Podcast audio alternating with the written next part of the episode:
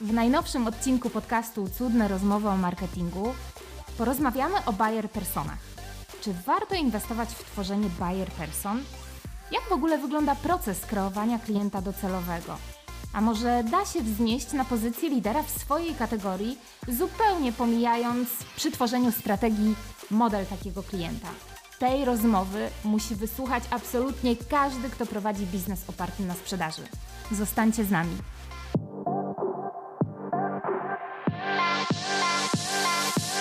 Efektywna realizacja celów sprzedażowych i produktów, ale też usług skorelowana jest z podjęciem odpowiednich i precyzyjnie zaplanowanych działań marketingowych. Myślę, że zgodzicie się, że jednym z podstawowych założeń kampanii marketingowych powinno być skierowanie reklamy, a co za tym idzie także przekazu, do odpowiedniej grupy docelowej. Dzięki temu możliwe jest skuteczne dotarcie do potencjalnego, zainteresowanego klienta. Drodzy słuchacze, właściciele e-commerce'ów, czy pracując nad strategią dla waszego biznesu uwzględniliście opracowanie buyer person i dostosowanie przekazu do ich preferencji i oczekiwań? Jeśli nie, to prawdopodobnie nie wykorzystujecie całego potencjału, jaki drzemie w waszym biznesie. O buyer personach i ich znaczeniu dla biznesów opartych na sprzedaży produktów i usług porozmawiam z Joanną Królik, która jest Digital Marketing Directorem w Cube Group. Cześć Asiu, dzięki, że zgodziłaś się na rozmowę. Cześć Asiu, bardzo dziękuję za zaproszenie. Zaczęłam od takiego krótkiego wprowadzenia, ale jestem przekonana, że zupełnie nie wyczerpałam definicji buyer persony. Zakładam, że chociaż większość z nas y, chociaż raz zetknęła się z tym pojęciem, no to mam poczucie, że tworzenie buyer person nie jest priorytetem i must have przy tworzeniu strategii marketingowych. Co jest oczywiście sporym błędem, o czym niedługo porozmawiamy. Asiu, czy możesz nam powiedzieć, kim dokładnie jest buyer persona? E, dziękuję Asiu za to pytanie. Myślę, że warto na samym początku naszej rozmowy doprecyzować to pojęcie. Zauważyłam, że szczególnie w naszej branży jest wiele różnych interpretacji, często tych samych terminów. E, moim zdaniem, żeby dobrze zrozumieć, czym jest buyer persona, powinniśmy zacząć właśnie od pojęcia segmentu, segmentu klientów.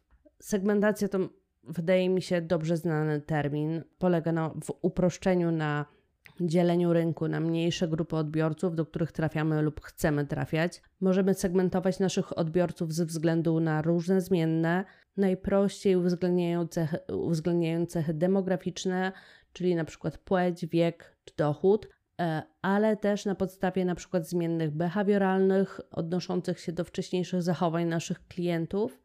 Możemy też uwzględniać segmentację ze względu na lokalizację, na przykład miejsce zamieszkania czy miejsce pracy.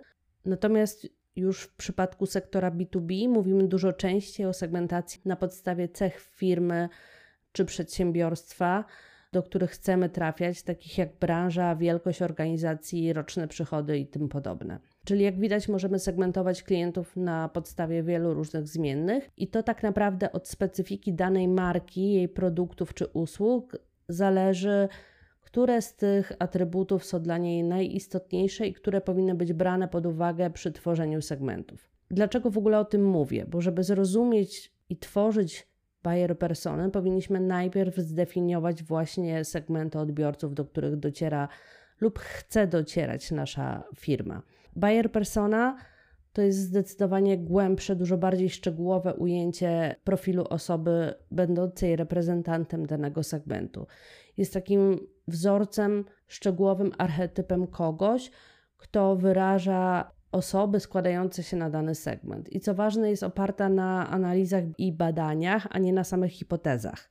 Co rozumiemy przez archetyp? Rozumiemy to, że nie jest to konkretna osoba, ale profil osoby, która reprezentuje typowego klienta w danym segmencie. Czyli upraszczając, możemy przyjąć, że jeśli segment to jakaś część rynku, to buyer persona jest profilem osoby, która może ten segment tworzyć. Mhm. E, Okej, okay. dzięki za to szczegółowe wyjaśnienie. Współtworzyłaś opracowanie wielu buyer person dla klientów z różnych branż.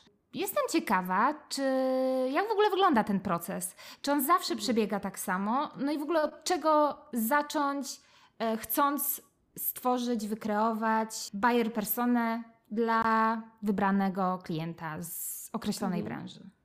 Jest wiele różnych metodologii tworzenia buyer person. W internecie, w literaturze branżowej eksperci rozpisują się na ten temat. Czy wszystkie one są tak samo skuteczne? Szczerze, no, nie jestem przekonana.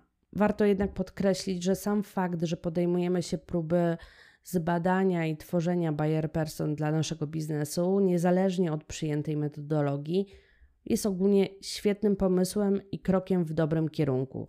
Możesz zapytać, dlaczego tak mówię, dlaczego tak twierdzę, ponieważ moim zdaniem wszelkie działania mające na celu lepsze zrozumienie naszych potencjalnych klientów, poznanie ich potrzeb i oczekiwań są z założenia właściwym kierunkiem działań praktycznie każdego biznesu opartego na sprzedaży. Może, żeby było prościej, opowiem, jak my podchodzimy do pracy nad buyer personami. Otóż w naszej agencji bazujemy na frameworku opracowanym przez Bayer Persona Institute, który zmodyfikowaliśmy i dostosowaliśmy do naszych potrzeb, ale główne założenia są niezmienne i obejmują fokus na pięciu najważniejszych obszarach badań nad Bayer Personą. Jest to podejście na pewno bardziej wymagające, ale które pozwala nam e, zrozumieć klientów na dużo głębszym poziomie niż tylko podstawowe informacje właśnie demograficzne, geograficzne czy psychograficzne. Tutaj bardzo mnie zaciekawiłaś. Czy mogłabyś nieco bardziej rozwinąć ten temat? Na czym opiera się to podejście? Jasne, każdy z pięciu obszarów obejmuje bardzo ważny aspekt życia naszej buyer persony i pozwala nam zrozumieć naszego klienta w sposób taki holistyczny. Nie skupiamy się na tym etapie już tylko i wyłącznie na cechach, które wymieniłam, mówiąc o segmentach klientów. Wchodzimy zdecydowanie głębiej. Upraszczając, każdy z tych obszarów wskazuje nam pytania, na które powinniśmy sobie odpowiedzieć, żeby móc rozpisać naszą buyer personę. I pierwszy obszar to jest tak zwany trigger, czyli impuls do działania, czyli tak naprawdę określenie tego, co się takiego zadziało, jak z, jaka zmiana zaszła w życiu naszego klienta, że on w ogóle zaczął myśleć o zaspokojeniu danej, danej potrzeby, y, która się u niego pojawiła. Czyli co takiego się stało, że klient zaczął szukać koncepcji rozwiązania danego problemu, którego rozwiązaniem może być na przykład nasz produkt czy nasza usługa. Czyli krótko mówiąc, tak, w tym punkcie staramy się zrozumieć, jakie e, potencjalny klient może mieć właśnie potrzeby, problemy, wyzwania. Kolejna rzecz to są czynniki sukcesu bądź oczekiwane rezultaty, czyli czego klient oczekuje po dokonaniu zakupu naszego produktu czy usługi. Co musiałoby się stać, żeby uznał, że jego potrzeba czy problem zostały rozwiązane. I tutaj warto uwzględnić perspektywę osobistą, odnoszącą się do indywidualnych oczekiwań naszych buyer person, ale w przypadku B2B dążyć też do zrozumienia czynników sukcesu z poziomu całej organizacji. Przykładem może być tutaj na przykład kierownik produkcji, który chce, aby firma jego departament korzystał z nowoczesnego sprzętu, aby z jednej strony e, poprawić efektywność pracy linii produkcyjnej, ale z drugiej strony ważne są dla niego takie aspekty jak własna satysfakcja, czy też uznanie na przykład w oczach pracowników, członków zespołu, czy też szefa bądź właściciela. Idąc dalej, bariery decyzyjne, czyli wszelkie przeszkody, które muszą zostać pokonane, aby klient zdecydował się na zakup. Następnie również bardzo ważny element, czyli kryteria decyzyjne, czyli czynniki, które klient będzie brał pod uwagę podczas oceny różnych opcji, podczas wyboru y, produktu, dostawcy, podczas porównywania różnych rozwiązań. Czyli co jest dla niego najważniejsze, jakie kryteria mają kluczowy wpływ na finalny wybór pomiędzy różnymi rozwiązaniami, lub też różnymi miejscami zakupu, bo jeżeli mówimy tutaj, te, e, tak jak w przypadku e-commerce, o wyborze sklepu, w którym chcemy dokonać zakupu danego produktu, to nie skupiamy się już na cechach danego produktu, ale na innych kryteriach związanych z samym sklepem, tak?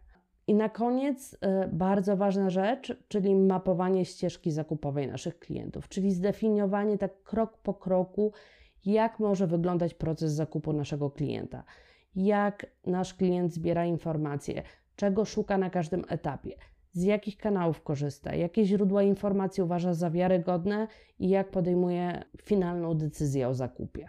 Wymieniłaś pięć najważniejszych obszarów badań nad Bayer personą i brzmi to bardzo ciekawie, ale przyznam szczerze, że dru z drugiej strony jest to proces bardzo pracochłonny, wydaje się bardzo skomplikowany. Czy mogłabyś doprecyzować, od czego zaczynacie? Zgadza się, jak słyszę, że ktoś jest w stanie rozpisać Bayer persony w jeden dzień, to wiem, że nie może to być zrobione dobrze. Jest to proces, który w praktyce wymaga kilku tygodni pracy i w dużej mierze opiera się na researchu, na rozmowach z klientami i na analizie zebranych danych. Takim pierwszym krokiem jest oczywiście identyfikacja grup docelowych. Musimy zrozumieć, kto korzysta z naszych produktów lub usług. Możemy podzielić naszych klientów na segmenty na podstawie różnych kryteriów, o których wspominałam już wcześniej. Ważne jest, aby e, tworząc grupy klientów, opierać się też na zachowaniach, a nie tylko na danych demograficznych, jak to często widzę, że ma miejsce. No i zaczynamy od gromadzenia informacji z różnych źródeł, czyli z jednej strony analizujemy informacje z naszych, y, o naszych klientach, które już mamy, czyli korzystamy z takich narzędzi jak Google Analytics, nasze, nasz system CRM, Customer Data Platform, narzędzia do marketing automation, ale też analizujemy zachowania użytkowników na naszej stronie internetowej, czy też w naszych własnych mediach społecznościowych. Kolejna rzecz obejmuje już jakby research i zbieranie i analizę inform informacji danych z, ze źródeł zewnętrznych, jak trendy rynkowe, ogólnodostępne badania rynkowe, raporty branżowe, analiza konkurencji w różnych kanałach. Dalej bardzo ważny element, czyli monitoring i zbieranie insightów z mediów społecznościowych, z grup i forów dyskusyjnych związanych z naszą kategorią usług czy czy produktów. Czyli zbieramy opinie o marce, o produktach, identyfikujemy najczęściej pojawiające się pytania, staramy się tak naprawdę wejść w buty potencjalnych klientów, zrozumieć z czym osoby, które są w naszym segmencie, mogą mieć największy problem, jakich treści szukają, o co pytają, co ich nurtuje, co jest dla nich najważniejsze. Następny element jest tak naprawdę kluczowy, myślę, ale jednocześnie najczęściej pomijany, to są rozmowy z naszymi klientami. Najprościej rzecz y, ujmując, powinniśmy pytać naszych klientów o to, co jest dla nich ważne, czego oczekują. Czyli mam tutaj na myśli rozmowy, y, ankiety, wywiady, wywiady pogłębione. Inna rzecz, o której też warto pamiętać, bo jest to świetne źródło informacji o naszych klientach, to są rozmowy z osobami wewnątrz naszej organizacji, mającymi kontakt z naszymi klientami, czyli dział sprzedaży, dział obsługi klienta, dział wsparcia. Tam pracują osoby, które na co dzień mają kontakt z naszymi klientami i wsłuchiwanie się w ich doświadczenia może nam pomóc w lepszym zrozumieniu potrzeb i oczekiwań naszych person. To są chyba, myślę, takie najważniejsze elementy, ale to, co chciałabym jeszcze dodać, to że w budowaniu person chodzi tak naprawdę o pogłębianie wiedzy o tym, co jest e, dla naszych użytkowników czy naszych klientów ważne. Jeżeli z naszych badań wychodzi, że na przykład w przypadku systemu marketing automation, który sprzedajemy, dla użytkowników ważne jest, żeby system był łatwy w obsłudze, intuicyjny, to to, co powinniśmy zrobić, mając taką, taką informację, no to nie poprzestawać na tym insightie, tylko wchodzić głębiej. Bo co to znaczy tak naprawdę, że ma być łatwy w obsłudze? Dla różnych osób może to znaczyć coś zupełnie innego. I pogłębienie takiej informacji może nam dać już konkretne rozwiązania, czyli na przykład, że dla takiego użytkownika końcowego ważne jest to, żeby był w stanie samodzielnie wszystko wyklikać, czyli na przykład ustawić rozbudowany scenariusz automatyzacji bez konieczności kontaktu z supportem. I to już jest konkret, taki konkret jest dla nas bardzo wartościowy, bo możemy go wykorzystać przy opracowywaniu chociażby USP naszego rozwiązania. Możemy zaprojektować komunikację, która będzie podkreślać tę wartość naszego systemu. Możemy to potraktować jako wyróżnik na tle konkurencji, jeśli na przykład z badań wyjdzie nam, że klient korzystający z innych, e, klienci ogólnie korzystający z innych rozwiązań bardzo frustrują się tym, że inne systemy, mimo zapewnień, prostoty, wcale nie są tak intuicyjne, jakby tego oczekiwali i tracą cenne godziny swojej pracy, wisząc na słuchawce działu z działem pomocy czy z działem wsparcia. Coraz bardziej mnie zaciekawiasz. Mam takie wrażenie, że gdybyśmy zapytały właścicieli różnych biznesów o ich klienta docelowego, to pewnie każdy mógłby w sekundę przywołać taką osobę. Ja zakładam, że każdy z nas ma w głowie pewien obraz klienta danej kategorii, marki, produktu. Czasami pewnie trochę stereotypowo do tego podchodzimy. Tymczasem, mm, słuchając tego, co mówisz, że podczas pracy nad tworzeniem Bayer Persony, analizując tak wiele danych, gigantyczne obszary, możemy dowiedzieć się o potencjalnych klientach, no bo warto zaznaczyć, że takich grup klientów może być kilka, to nie musi być jeden klient docelowy. Możemy się dowiedzieć wielu zaskakujących rzeczy. I zastanawiam się, jak często właściciele e-commerce'ów tracą szansę na zwiększenie obrotów, ponieważ traktują po macoszemu i pomijają niezwykle ważną grupę potencjalnych klientów. Porozmawiajmy więc o znaczeniu buyer person, ich roli, o tym czemu służą, jakie są główne cele tworzenia buyer persony. W mojej ocenie dobrze opracowane buyer persony są tak naprawdę kluczowym elementem skutecznych strategii, nie tylko marketingowych czy sprzedażowych, ale mogą być też korem rozwoju całego biznesu. Jeśli chodzi o cele, to na pewno myślę skupienie się całej organizacji wokół określonego rodzaju klientów, ale też wprowadzenie empatii w stosunku do naszych odbiorców, co przekłada się na ich zadowolenie i wzrost zaufania do marki Inna kwestia to jest na pewno większa efektywność działań marketingowych dzięki precyzyjnemu targetowaniu, ale też odpowiedniej komunikacji dostosowanej do naszych odbiorców. Ogólnie dobrze rozpisane buyer persony, wykorzystywane w praktyce, bo to też nie jest tak oczywiste wcale, wpływają na efektywność zespołów i sprzedaży, i marketingu, i client care, ale też działu odpowiedzialnego za rozwój produktów czy usług. W e-commerce buyer persony odgrywają szczególnie ważną rolę, ponieważ pozwalają firmom na dostosowanie oferty i komunikacji do potrzeb swoich klientów, co kolei prowadzi do zwiększenia sprzedaży i lepszej retencji. Ale też znając e, swojego nabywcę i rozumiejąc jego potrzeby, podejmujemy decyzję, w jaki sposób on podejmuje decyzję, będziesz mogła lepiej zaprojektować swoją strategię wejścia na nowy rynek. Czyli już tutaj dotykamy takich obszarów jak strategia wzrostu czy skalowanie. Czyli dobrze rozumiem, że celem tworzenia buyer person nie jest jedynie właściwe targetowanie reklam i dostosowanie komunikacji marketingowej mm, do tych odbiorców. Czy Twoim zdaniem mm, skupienie się w działaniach e, na buyer personach, na działaniach mam na myśli tutaj działanie jakby całej organizacji, czy może wpłynąć mhm. także na inne ważne decyzje biznesowe firmy, na przykład w zakresie asortymentu, e, kształtu oferty, ale też kierunku rozwoju itd.? Zdecydowanie tak. Warto tutaj wrócić, myślę, do tego, co leży u podstaw działalności praktycznie każdej firmy, niezależnie od tego, czy jest to biznes oparty na sprzedaży produktów czy usług. Mm, tak naprawdę podstawą funkcjonowania takich przedsiębiorstw jest e, dostarczanie wartości swoim klientom zaspokajanie ich potrzeb. Ale jak to zrobić?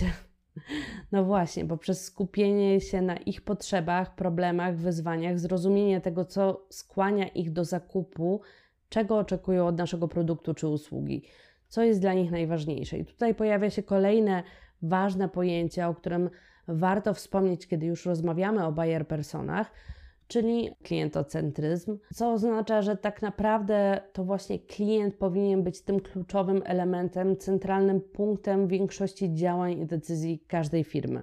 Wyobrażam sobie, że ta idea na pewnym etapie rozwoju firmy może gdzieś umykać, schodzić na dalszy plan, ale szczególnie w natłoku bieżących spraw związanych z prowadzeniem biznesu, warto jest się czasem zatrzymać i wrócić do tak naprawdę korzeni, do koru istnienia naszej działalności.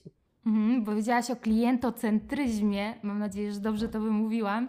Od razu mi się przypomina e, cytat guru marketingu Seta Godina, który w jednej ze swoich książek e, napisał, że nie powinniśmy szukać klientów dla naszych produktów, ale szukać produktów dla naszych klientów. Tak, dokładnie. To jest świetny cytat. Godin stawia klientów i ich potrzeby w centrum działania każdej firmy, Swoją drogą w swoich książkach wiele też mówi o tym, że firmy powinny skupić się właśnie na tworzeniu wartości dla swoich klientów, a nie tylko na sprzedaży produktów. Powiedziałaś już sporo na temat tego, jak wygląda proces tworzenia buyer person i mm, o tym, jaka metodologia porządkuje i ułatwia ten dosyć skomplikowany proces. Czy mogłabyś wskazać najczęstsze błędy, jakie popełniają firmy podczas tworzenia pracy nad y, kreowaniem buyer person? Myślę, że lista potencjalnych błędów jest dość długa. Dlatego też czasami warto po prostu rozważyć powierzenie tego zadania ekspertom. Ale może skupię się na tych, w mojej ocenie, kluczowych błędach, które najczęściej zauważam. Pierwszy, najważniejszy chyba błąd to jest e, po prostu brak buyer person, czyli to, z czym się bardzo często spotykamy. Często słyszę od właścicieli firm czy dyrektorów zarządzających zdanie w stylu: Ale po co mi te buyer persony? Przecież ja doskonale wiem, kto jest moim klientem.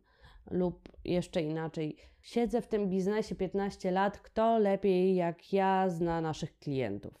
No niestety, często właśnie siedząc w danej firmie od lat, wydaje nam się, że wiemy wszystko o naszych klientach. Natomiast mogę tutaj zapewnić y, słuchaczy, że właściwie przeprowadzone badanie Bayer Person jest w stanie zmienić to, to podejście, to spojrzenie. Jesteśmy w stanie dowiedzieć się o naszej grupie docelowej, o naszych klientach rzeczy, których wcześniej nie dostrzegaliśmy. Pozwala nam to niejako otworzyć oczy, wejść w buty naszych klientów i wręcz poczuć problemy, z jakimi się mierzą. Inna kwestia to jest to, że to nie tylko prezes czy właściciel firmy powinni znać swoich klientów, ale tak naprawdę każdy dział zaangażowany w komunikację na linii e, firma-klient. Drugi błąd to jest na pewno opieranie się na tym, co nam się wydaje. Czyli praca nad buyer personami powinna być poparta tym, o czym wspominałam już wcześniej. Głębokim researchem, zbieraniem i analizą danych, rozmowami z klientami. Budowa buyer person na podstawie tego, co nam się wydaje, to jest w mojej ocenie chyba najczęstszy błąd, kiedy już firma, marka podejmują się e, tego zadania stworzenia buyer person. I takie podejście nie pozwala nam na e, identyfikację właściwych problemów, z jakimi mierzą się nasi klienci, nie pozwala nam na właściwe dostosowywanie naszej oferty do rzeczywistych potrzeb naszej grupy docelowej, ale też trochę inne ujęcie tego samego problemu, czyli rozpisywanie buyer person na podstawie tego, jak chcielibyśmy, żeby ta persona wyglądała. To jest też bardzo częsty błąd, niestety. Kolejny, kolejny błąd, który dostrzegam, również powszechny, to jest brak wykorzystywania buyer person w praktyce, w codziennej pracy w organizacji. Jeżeli już podjęliśmy się tego wysiłku zbadania i stworzenia buyer person, co więcej, zrobiliśmy to dobrze, to najgorsze, co może się zdarzyć, to odhaczyć takie zadanie, otworzyć szampana i z zadowoleniem schować e, persony do szuflady prezesa. Może zaproponuję takie wyzwanie dla właścicieli biznesów, biznesów mm, jakby opartych na sprzedaży, proste, ale jednocześnie mocno uświadamiające. Otóż udaj się do swojego działu marketingu, sprzedaży, customer service i zapytaj wybraną osobę z każdego z tych działów o to, kto jest waszą buyer personą lub prościej, kto jest Waszym klientem docelowym. No i jeżeli uzyskasz wiele różnych, często wykluczających się odpowiedzi, a na przykład wcześniej zainwestowałeś sporo czasu i środków w stworzenie buyer person, no to powinna zapalić się czerwona lampka, tak? I od razu uprzedzając kolejne kroki. To nie jest wina ludzi, poszczególnych specjalistów czy handlowców, że tego nie wiedzą. Ta czerwona lampka powinna dotyczyć procesów w firmie, które po prostu nie działają. I w takich e, sytuacjach ja sugeruję skupienie się na tym, aby wyedukować wszystkie działy w firmie i podmioty współpracujące z nami z tego, z kim się komunikujemy, do kogo docieramy, kto jest naszą buyer personą. No i oczywiście nie może to być e, jednorazowa inicjatywa, ale musi to być po prostu proces, który e, jakby zapewni zapewni nas, że ta wiedza w firmie jest powszechna, niezależnie od zmian personalnych, kadrowych i tego, kiedy ostatnio aktualizowaliśmy Bayer Persony. Generalnie, jakby dobrze stworzone Bayer Persony powinny być takim narzędziem, które wykorzystują pracownicy w swojej codziennej pracy. Nie tylko zarząd, właściciel czy kadra menedżerska, Dla mnie dobrze stworzone buyer persony funkcjonują, można powiedzieć, jako fikcyjne postaci w rozmowach działów, które zajmują się marketingiem, sprzedażą czy client care. Wiesz co, może dam przykład z naszego podwórka, jak to może wyglądać w praktyce. Jakieś dwa lata temu opracowaliśmy dla jednego z naszych klientów kluczowe z punktu widzenia jego biznesu buyer persony. Persony, które dotyczyły zarówno obecnych, jak i tych najbardziej perspektywicznych klientów, którzy z różnych powodów e, decydowali się na zakupy u konkurencji. Minęły dwa lata, podczas których regularnie aktualizowaliśmy profile tych person, niemniej jednak w zespole zaangażowanym w prowadzenie działań dla tego brandu nazwy tych person jak świadoma Ania, początkująca Ola, one cały czas funkcjonują w sposób naturalny. I ktoś, kto by się przysłuchiwał z zewnątrz naszym spotkaniom czy rozmowom, z pewnością nie wiedziałby zupełnie o czym rozmawiamy. Dla osób, które w tym siedzą, jest to zupełnie naturalne. I przywołując ten przykład, myślę właśnie o takim praktycznym wykorzystaniu buyer person e, w organizacji, tak? Ale jeszcze wracając do Twojego pytania, Asiu, ostatni poważny błąd, który przychodzi mi teraz do głowy, to jest właśnie brak aktualizacji raz opracowanych buyer person. Czyli poświęciliśmy już czas i zasoby na ich opracowanie i zakładamy, że to już jest koniec, zadanie wykonane. A w rzeczywistości pracę nad buyer personami, nad personami powinniśmy traktować jako proces Przecież zmienia się rynek, sytuacja geopolityczna, tym samym zachowania konsumentów. Pojawiają się nowe trendy, nowa konkurencja. Żeby buyer persony były skutecznym e, narzędziem, powinny być stale aktualizowane. Powinniśmy być na bieżąco z tym, co się dzieje w naszej branży, tak? Takie trzymanie ręki na pulsie mm, myślę, że sprawia, że możemy być o krok przed konkurencją, szybciej dostrzegać pojawiające się szanse rynkowe i szybciej na nie odpowiadać. I co ważne, poza samą aktualizacją obecnych person, nie powinniśmy się też bać tworzenia nowych, dostosowanych właśnie do szans rynkowych, które śledzimy i na które staramy się odpowiadać, reagować w czasie rzeczywistym, tak? To bardzo ciekawe, że Bayer persony nie są wybrane raz na zawsze i że ewoluują, zmieniają się. Tak jak dynamicznie zmienia się przecież nasz świat w ostatnim czasie szczególnie.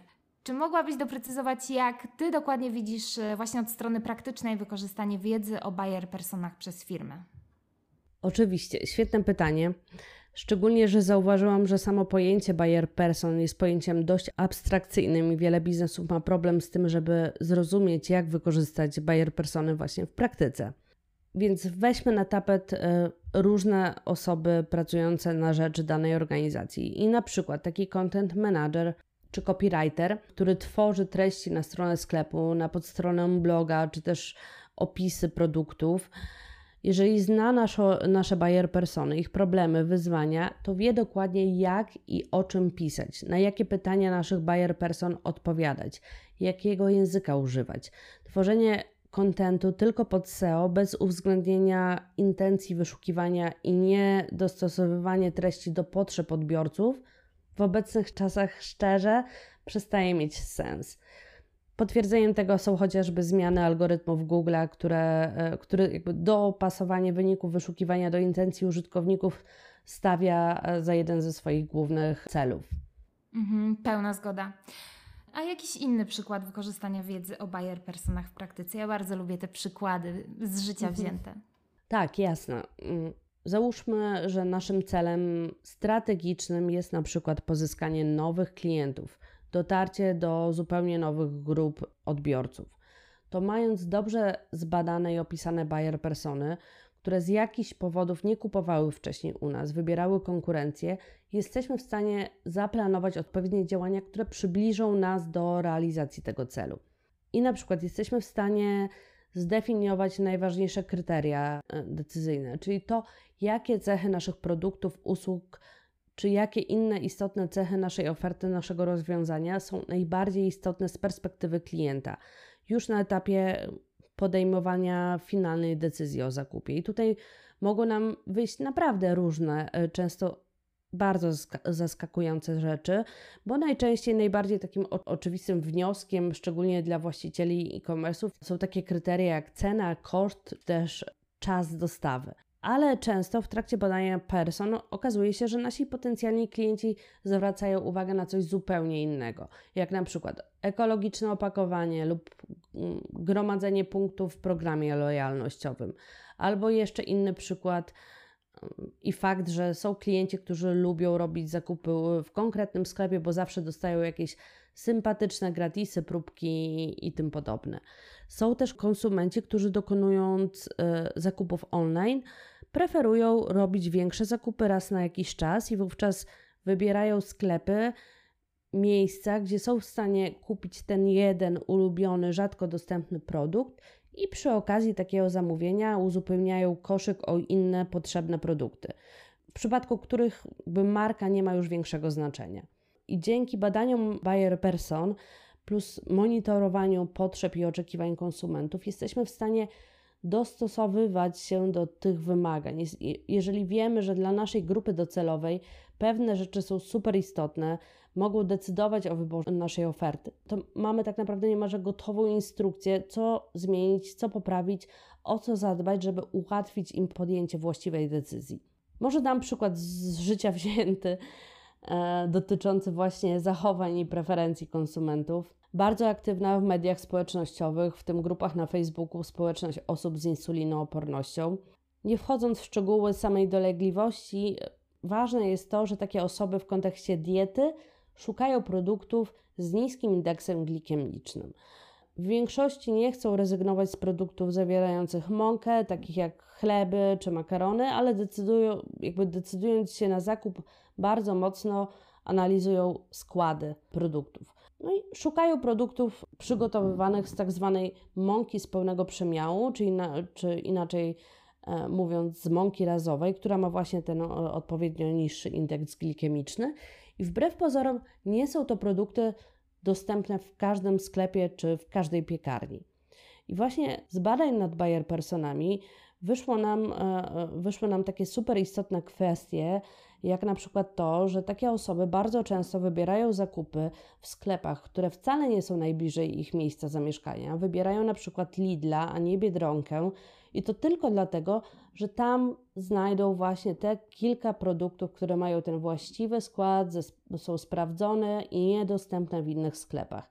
A przy okazji oczywiście robią zakupy dla całej rodziny.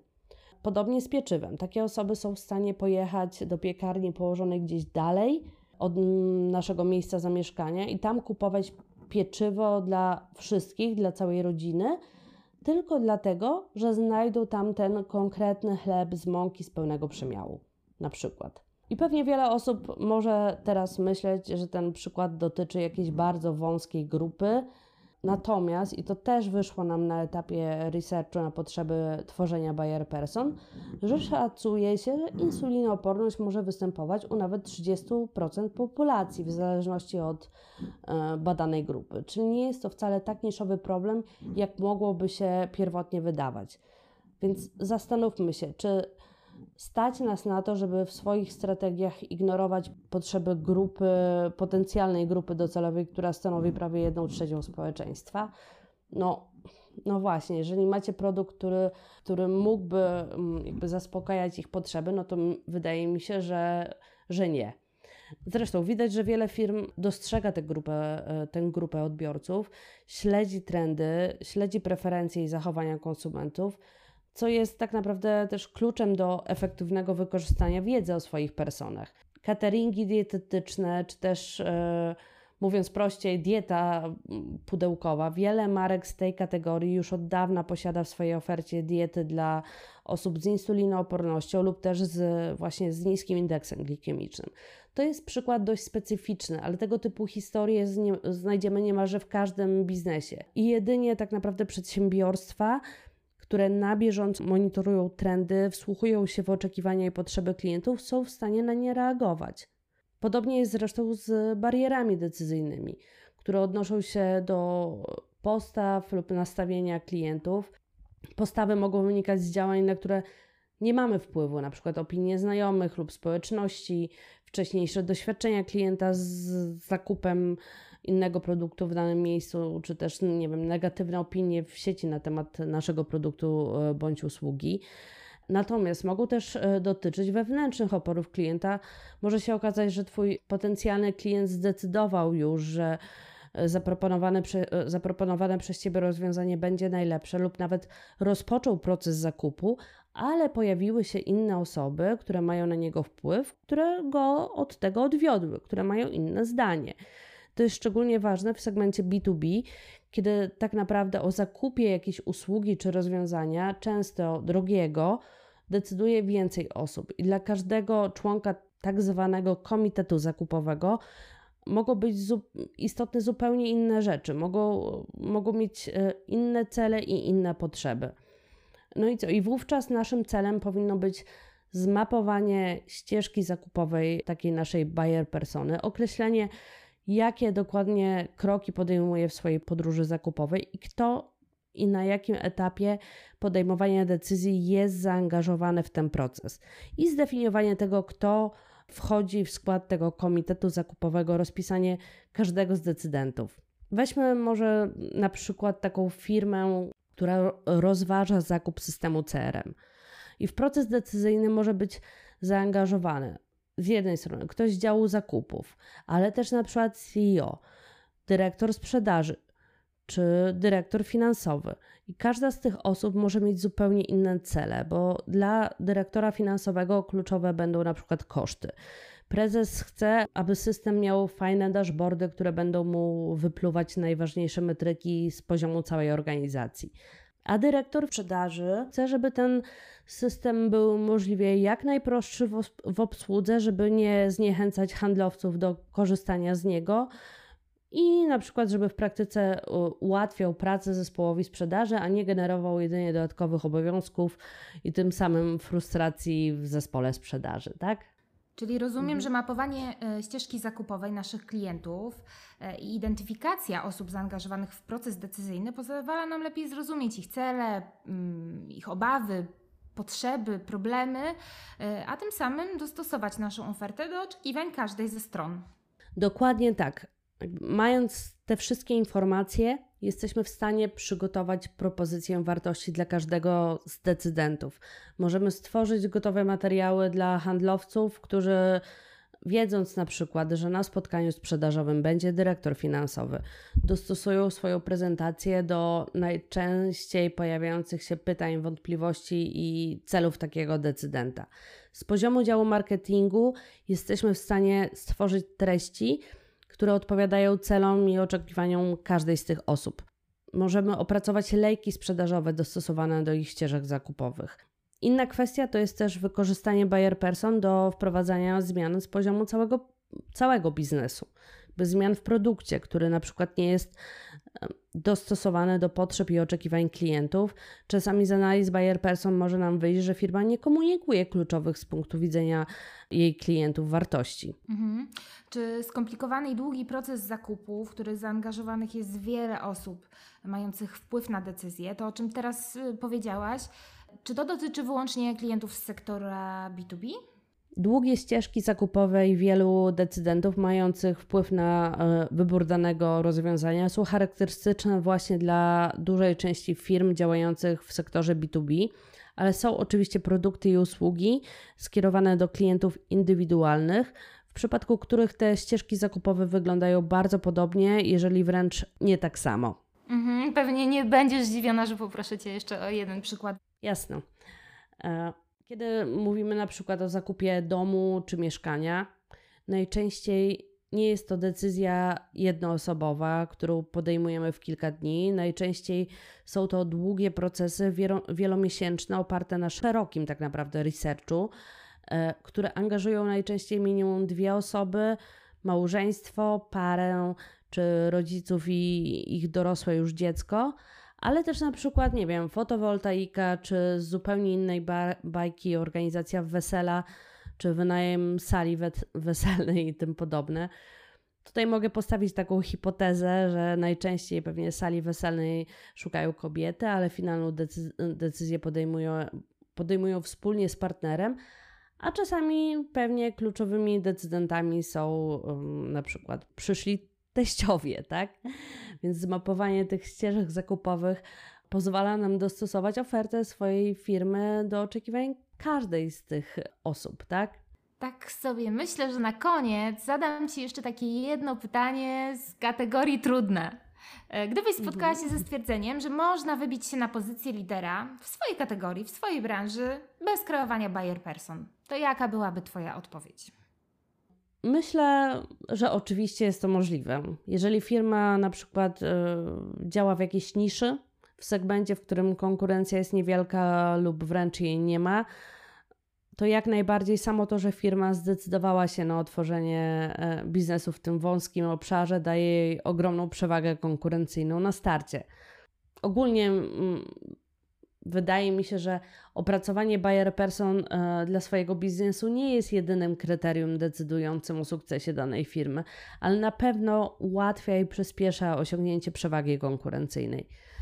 Jednak tak sobie myślę teraz, jakbyśmy się zastanowili chwilę nad tym konkretnym case'em, który e, przytoczyłam, to zobacz, sam fakt, że ktoś pomyślał o otworzeniu firmy w jakimś wąskim segmencie, który do tej pory nie był zagospodarowany przez innych, może nas to prowadzić do wniosku, że taka osoba musiała wcześniej zidentyfikować tę niszę, tę szansę rynkową, czyli musiała dostrzec, że istnieje grupa konsumentów, która ma określone potrzeby, które nie są zaspokajane.